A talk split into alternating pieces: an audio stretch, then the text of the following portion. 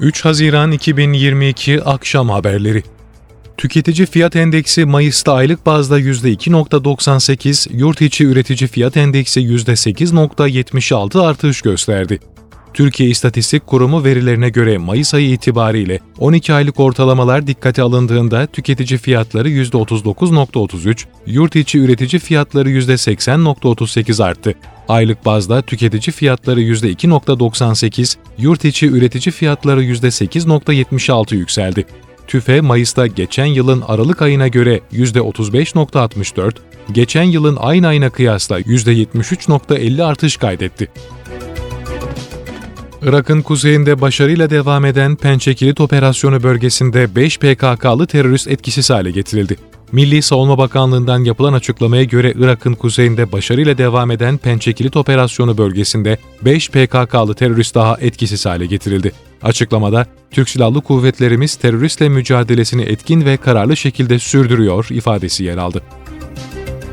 Milli Savunma Bakanlığı Suriye'nin kuzeyinde 9 PKK-YPG'li teröristin etkisiz hale getirildiğini bildirdi.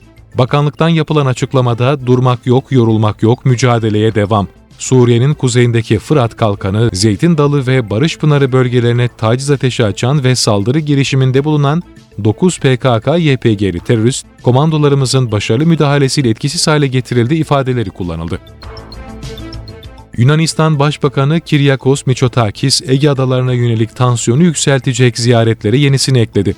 Gayri askeri statüdeki İstanköy, İstanbulya ve Keçi Adası'nı ziyaret etti. Provokatif paylaşımlarda bulundu. Keçi Adası, Türkiye'nin 6 millik kara suları içinde Yunanistan'a 320 kilometre, Marmaris'e 8 kilometre uzaklıkta. Lozan Anlaşması'na göre Türkiye kara sularında yer alan bu adanın Yunanistan tarafından silahlandırılması yasak. Ancak Atina yönetimi diğer adalarda yaptığı gibi uluslararası hukuku da çiğneyerek Keçi Adası'nı silahlandırıyor. Kilis merkeze bağlı Aşit mahallesindeki bir apartmanın ikinci katındaki evde henüz belirlenemeyen nedenle yangın çıktı. İhbar üzerine bölgeye itfaiye, sağlık ve polis ekipleri sevk edildi. Yangına müdahale eden itfaiye ekipleri yabancı uyruklu iki çocuğun hayatını kaybettiğini belirtti. Cenazeler savcının olay yerindeki incelemesinin ardından Kilis Devlet Hastanesi morguna kaldırıldı. Hayatını kaybeden çocukların babasının işte olduğu, annesinin ise alışveriş için dışarıya çıktığı öğrenildi. Tarım ve Orman Bakanı Vahit Kirişçi 115.1 milyon liralık tarımsal destekleme ödemelerini bugün çiftçilerin hesaplarına aktaracaklarını açıkladı.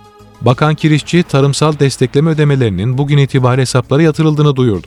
Kirişçi Twitter hesabından yaptığı paylaşımda 115 milyon 125 bin 276 liralık tarımsal destekleme ödemelerinin bugün çiftçilerimizin hesaplarına aktarıyoruz. Hayırlı ve bereketli olsun ifadelerini kullandı.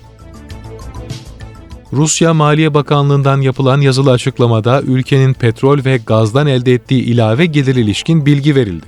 Rusya'nın yüksek enerji fiyatları sayesinde Haziran'da petrol ve doğal gaz ihracatından 393 milyar ruble, yaklaşık 6.4 milyar dolar, Mayıs ve Haziran aylarında ise toplam 666.6 milyar ruble, yaklaşık 10.7 milyar dolar ilave gelir elde edeceği kaydedildi.